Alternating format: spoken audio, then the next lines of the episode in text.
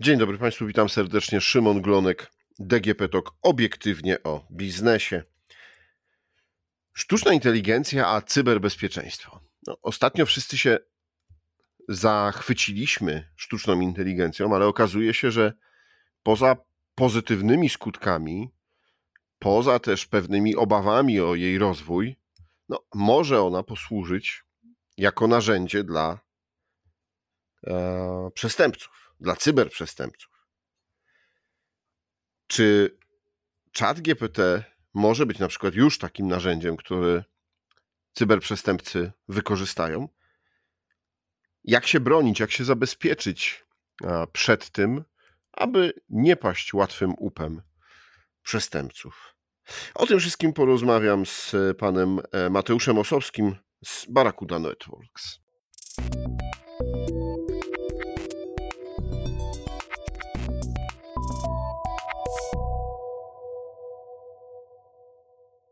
Dzień dobry. Dzień dobry Państwu. Panie Mateuszu, e, to jakie są zagrożenia, jeśli właśnie chodzi o sztuczną inteligencję, a cyberbezpieczeństwo? Hmm. Trudne pytanie, bo mógłbym odpowiedzieć dużo, e, ale to nie jest e, odpowiedź, która by zapewne Pana, jak i słuchaczy satysfakcjonowała. Ja osobiście nie uważam się za jakiegoś też e, speca od sztucznej inteligencji. Nie ukrywam, że w tym obszarze staram się ostatnio poświęcić trochę czasu na, e, na naukę, bo pośród bardzo dużej ilości szumu, który powstał, ciężko jest wyłuskać w zasadzie realne i, i potrzebne dla nas um, informacje. Natomiast ja bym chyba trochę ugryzł to może od innej strony, że sam fakt rozwoju, e, rozwoju AI, rozwoju czatu GPT, który jest przede wszystkim na tapecie, to już wersji 4.0, Mm, to jest w zasadzie, bym powiedział, trochę drugoplanowy efekt. Tutaj nawet nie bardzo trzeba myśleć o tym, co się może wydarzyć. Znaczy, przepraszam, trzeba myśleć o tym, co się może wydarzyć i w jakim kierunku powinno to iść i, i mądre głowy o tym dyskutują. To jest taka ciekawostka, że mamy e, tak samo zwolenników sztucznej inteligencji, jak i e, przeciwników, którzy chcieliby to regulować. Tylko ci, którzy chcieliby to uregulować, nie nadążają za tymi, którzy, którzy te technologie rozwijają. Natomiast e, wydaje mi się, że tu i teraz jest na tyle dużo wyzwań, problemów i kłopotów do rozwiązania, że samo dołożenie kolejnego czynnika, który zautomatyzowałby część pracy przestępców, bo ja unikam się w swojej pracy e, stosowania słowa haker, wolę słowo złodziej i przestępca, bo ktoś to kradnie, jest po prostu złodziejem. E, to jest jeden z elementów, który będzie, myślę, że na pewno pomagał w tej pracy, e, w jej automatyzacji, która i tak już jest dosyć wysoko rozwinięta i chyba mogłoby to po prostu zmniejszyć barierę, barierę wejścia jeszcze bardziej niż teraz. Mhm. Jak dzisiaj przestępcy mogą już wykorzystywać te narzędzia sztucznej inteligencji, które są? Bo no rzeczywiście o rozwoju e, trudno mówić, bo, bo jest bardzo dynamiczny, ale no mamy już chat GPT, mamy już jakieś e, inne mm, możliwości, czy też inne narzędzia, które generują obrazy. E, jak przestępcy już zaczynają wykorzystywać to? To przede wszystkim, co ja ze swojej strony zaobserwowałem, to próby wykorzystania e, automatu, w tym wypadku czata GPT, e, do przygotowywania wiadomości phishingowych, dlatego że e, każdy z nas korzysta z poczty, z często bardzo więcej niż jednej skrzynki mailowej, chociażby jedna skrzynka służbowa, druga skrzynka prywatna, więc już mamy, już mamy dwie i stety, niestety phishing nadal jest najłatwiejszym, najpopularniejszym i najbardziej skuteczną, skutecznym atakiem na na, pracownika każdej organizacji. E, to z kolei powoduje, że mm, chociaż te banalne i proste wiadomości, na które niestety ludzie też się łapią, to tak zwany phishing, czyli gdy przestępca zada sobie trochę trudu więcej i będzie starał się tą wiadomość dopasować, że no, te klocki układanki naprawdę nam gdzieś tutaj po prostu zadziałają, bo pisze do nas osoba, która się pod kogoś podszywa i faktycznie wygląda na to, że jest naszym klientem, powołuje się na jakieś różne e, informacje, które być może między sobą wymieniamy, Natomiast na koniec dnia Problem będzie polegał na tym, że można by to było wykorzystać chociażby do pisania jeszcze bardziej spersonalizowanych i lepszych wiadomości. Aczkolwiek to jest taka ciekawostka, gdy e, przeglądam sobie Twittera i, i widzę kolejne próby zachęcenia e, tego typu rozwiązań do robienia złych rzeczy, one często mówią takim komunikatem, że no jestem co prawda maszyną, ale nie wolno mi robić złych rzeczy, więc wtedy ktoś odpowiada, ale to nie jest na potrzeby złych rzeczy, to jest na potrzeby edukacyjne i wtedy przechodzi to dalej. Potem znów ktoś to zablokuje. To jest taka zabawa w kotka i myszkę, na ile, na ile autorzy i producenci będą mogli gdzieś to przyblokować. Tylko zwróćmy uwagę na jedną rzecz, tak patrząc sobie trochę w przód. Teraz, żeby przetworzyć tego typu uczenie maszynowe i, i wyprodukować, wyhodować sobie taką sztuczną inteligencję, potrzeba dużo mocy obliczeniowej, która kosztuje, która zużywa dużo prądu, natomiast to jest kwestia czasu, żeby każdy zrobił to sobie na po prostu swoim domowym laptopie czy, e, czy zegarku. Tak? Tutaj bym raczej upatrywał poczekania trochę, kiedy to będzie dużo bardziej popularne, dostępne i dużo bardziej rozwinięte i wymknie się spod kontroli, tak żeby trochę postraszyć słuchaczy. E, zawsze warto, jeśli chodzi o cyberbezpieczeństwo, e, mówić dokładniej i edukować. To ja bym jeszcze wrócił do tego, proszę powiedzieć albo opisać, jak wygląda, no to powiedzmy, że taki tradycyjny y, atak phishingowy, a jak może wyglądać taki atak phishingowy właśnie przy użyciu sztucznej inteligencji. Mhm. E, właśnie to jest bardzo fajnie, bardzo fajnie pan to określił jako ten tradycyjny atak phishingowy, bo e, sama metodyka e, phishingu przez wiele lat się nie zmieniła. On był, jest i będzie. Natomiast tak można by go było trochę bardziej dopracować. Ja bym trochę uciekł może w innym kierunku, jakby odpowiadając oczywiście na to, na to pytanie. Kojarzy pan pewnie ataki przez SMS. Kiedy dostajemy SMS na zasadzie dopłać 14 groszy, bo paczka jest za ciężka, masz nieopłacony mandat i tak dalej. Kojarzy pan to z pewnością, tak, prawda? Tak, tak, tak. Dostałem kilka razy na przykład, że wyłączymy ci prąd i tam nazwa jakiegoś dystrybutora rzeczywiście, e, czy firmy, która istnieje na rynku. E, ale Właśnie. W, pier w, pierwszym momencie nawet kiedyś e, zastanowiło mnie to, czy zapłaciłem rachunki, po czym uświadomiłem sobie, że ja nie korzystam z usług tej firmy. Właśnie. I do, odpowiedział Pan na pytanie, które ja chciałem zadać, bo e, często nawet nie wiemy, kto jest naszym dostawcą prądu, bo nie przygotowałem do tego wielkiej uwagi, prawda? Po prostu wpada rachunek, robimy raz na, mm, raz na 2-3 miesiące e, ten przelew. I teraz ja zwrócił uwagę na taki jeden drobny detal. Jeżeli cofniemy się trochę w czasie, o 2, 3, 4 lata, to ten SMS nie przychodził z byle jakiego numeru, przychodził z konkretnego nadawcy, prawda? E, tam przestępcy podszywali się, abyśmy w polu nadawcy mieli nazwę firmy, która faktycznie do nas pisze, na przykład firma kurierska, czyli dokładali jeszcze jeden kolejny element do układanki, który powoduje, że jesteśmy w stanie w to uwierzyć, no bo hmm, faktycznie czekam na y, daną firmę kurierską, na jakąś y, y, przesyłkę z danej firmy kurierskiej, e, być może faktycznie ona była za ciężka, być może trzeba do tego odrobinę dopłacić. No i to już poszło do lamusa. E, ja ze swoich prezentacji te slajdy powywalałem, dlatego że przestępcy nie zadają sobie tyle trudu, żeby dołożyć setne, nie ma, tak, no dokładnie w sumie setne, setne części eurocenta, aby tutaj, do, aby to było bardziej wiarygodne, Natomiast wysyłam to ze zwykłego losowego numeru, który i takim ktoś za chwilę zablokuje e, i w to miejsce kupią sobie kolejny, kolejny wirtualny numer. Czyli jakby jakość tych ataków spada, bo idzie to bardziej w masę. E, podobnie to idzie z, bo, bo phishing sam sobie będzie miał kilka celów. Przede wszystkim chodzi o to, by pod kogoś się podszyć, tak? Czyli udaje, że jestem kimś, kim naprawdę nie jestem, powołuje się na kilka informacji, na przykład znalazłem w internecie informację, kto w danej firmie pracuje, kto jest kontrahentem, e, wykorzystam to, że za chwilę jest majówka, jest ostatni dzień roboczy miesiąca, potrzebowałem szybko pensję, żeby przelać, e, albo zapłacić tą fakturę, którą wystawialiśmy za usługę remontową, a jest ostatni dzień miesiąca, chciałem pracownikom puścić pensję, wyjątkowo na inne konto. Ja szyję teraz na bieżąco jakiś scenariusz, prawda? Natomiast chodzi o to, żeby zbierać różne elementy, dokładając do tego jeszcze na przykład stopkę mailową, podpis, e, próbując podszyć się pod e, domenę takiego kontrahenta albo innego pracownika, aby na koniec dnia osoba po drugiej stronie spojrzała na tą wiadomość i stwierdziła, hmm, no na 10 rzeczy 9 się zgadza, więc tylko jedna mi nie pasuje, więc być może to jest prawda, pójdźmy dalej. A tu nagle bach, okazuje się, że trzeba gdzieś jeszcze znowu zalogować, e, być może przeglądarka mi tutaj zapomniała moją sesję, muszę dodać firmowe, e, firmowe dane dostępowe na stronie logowania, która nie jest stroną logowania, bo ma za zadanie po prostu te dane e, wyłudzić. No i idziemy znowu krok dalej, przestępca już przejął czyjeś konto firmowe, z tego konta firmowego, chociażby pocztowego, może w miarę swobodnie przed, próbować przedostać się do kolejnych narzędzi, które są wdrożone. Duże organizacje w takiej sytuacji e, mają e, narzędzia typu Zero Trust, które skutecznie to po prostu e, uniemożliwiają, ale nie wszystkie organizacje sobie na to pozwolą. No i to wszystko powoduje, że jeżeli dołożyłoby się do tego czynnik, który tą pracę może zautomatyzować, bo proszę spojrzeć, to jest trochę pracy, prawda?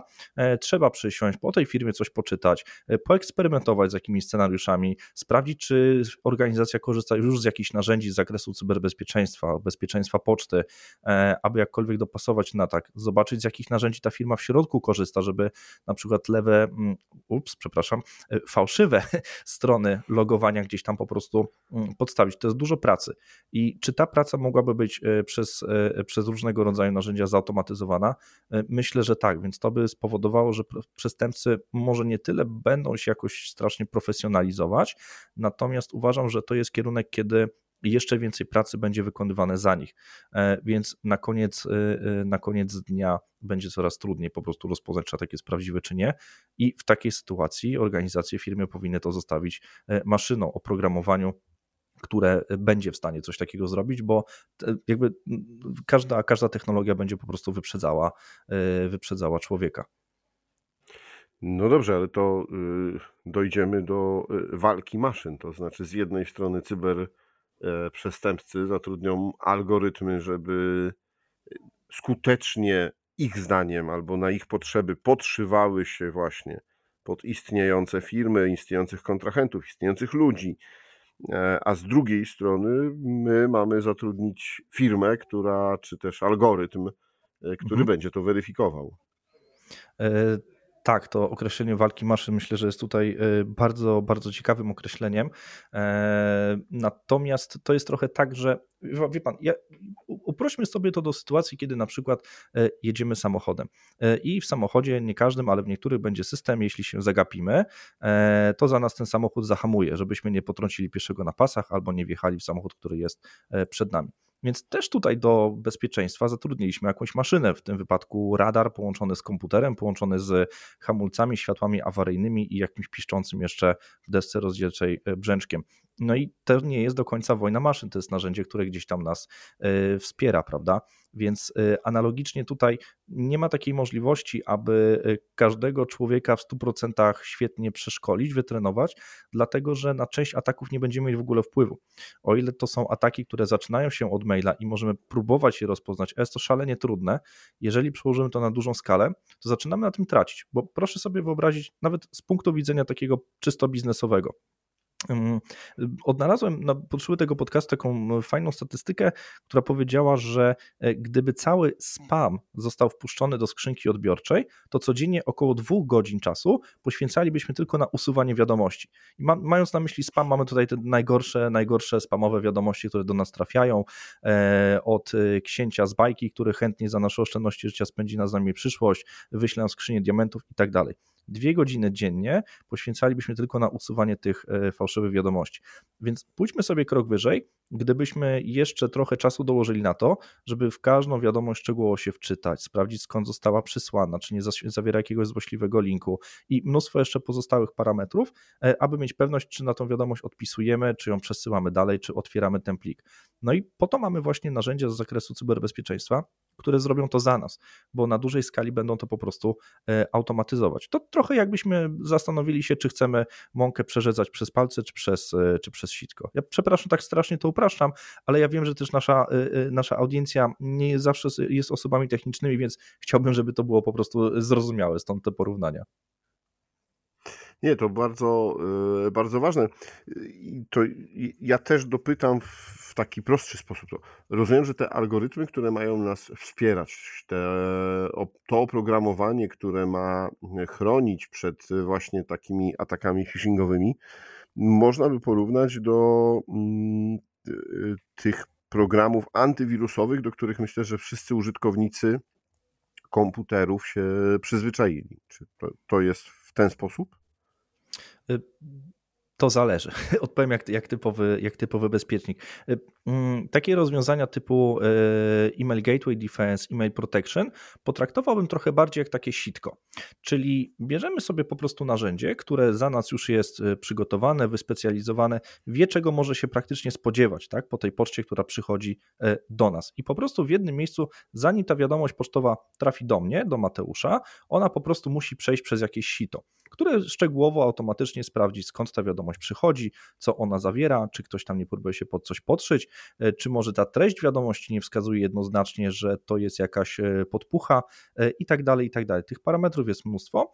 To się dzieje w zasadzie w czasie, w czasie rzeczywistym i ta wiadomość albo zostanie odsiana, albo co ciekawe, i to jest właśnie fajny element edukacyjny, ten użytkownik końcowy niech to będę ja, Mateusz, dostanie informację, że hej Mateuszu, ktoś próbował wysłać ci podpuchę i wyłudzić e, dane dostępowe do twojej firmowej poczty. Tej wiadomości nie dostaniesz, nie zobaczysz je, informujemy tylko, że coś takiego miało miejsce. Natomiast ona wtedy przychodzi już sobie do działu IT, działu bezpieczeństwa, gdzie ktoś, kto już się na tym lepiej zna, no bo ja jestem Mateuszem, e, nie znam się na cyberbezpieczeństwie, więc ktoś, kto, kto, kto ma w tym doświadczenie e, i kto za to po prostu bierze ciężkie pieniądze, e, będzie obserwował skąd to się wzięło i zastanowi się, co dalej z taką wiadomością zrobić. Chodzi o to, aby ten użytkownik końcowy w zasadzie oczywiście był wyczulony, natomiast żeby to organizacja za niego jakkolwiek, jakkolwiek o to wszystko dbała.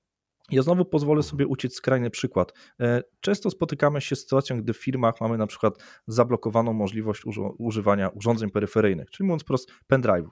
I tak i nieraz pewnie słyszeliśmy gdzieś spotykając się ze znajomymi, a bo u mnie w firmie jak ja włożę pendrive'a do komputera, to mi nie zadziała, jakiś tam alert wyskakuje. No właśnie. Tak, tak, przegraj mi to na pendrive, ale nie mogę, bo... Bo, bo mi nie, nie zadziała. pendrive'ów. Tak. No właśnie, bo twój pendrive jest zdrowy, świetny i wyczyszczony i wolny od wirusów, ale być może pozostały tysiąc w organizacji niekoniecznie, więc lepiej odgórnie wprowadźmy jakieś zarządzenie, bo analogicznie to, że mamy drzwi y, zamknięte na kartę albo musimy się uśmiechnąć w recepcji, żeby ktoś nas puścił, no jakoś tego problemu nie sprawia, prawda? A ten pendrive, z którego i tak nikt nie korzysta, bo przesyłamy wszystko przez, y, przez chmurę, nagle tak. Więc chodzi też o to, żebyśmy w głowie trochę się tutaj przestawili, e, natomiast na koniec dnia musimy to zautomatyzować, bo tego jest dużo i będzie jeszcze więcej, chociażby z tego powodu, że bariera wejścia dla przestępców jest, e, jest coraz to mniejsza.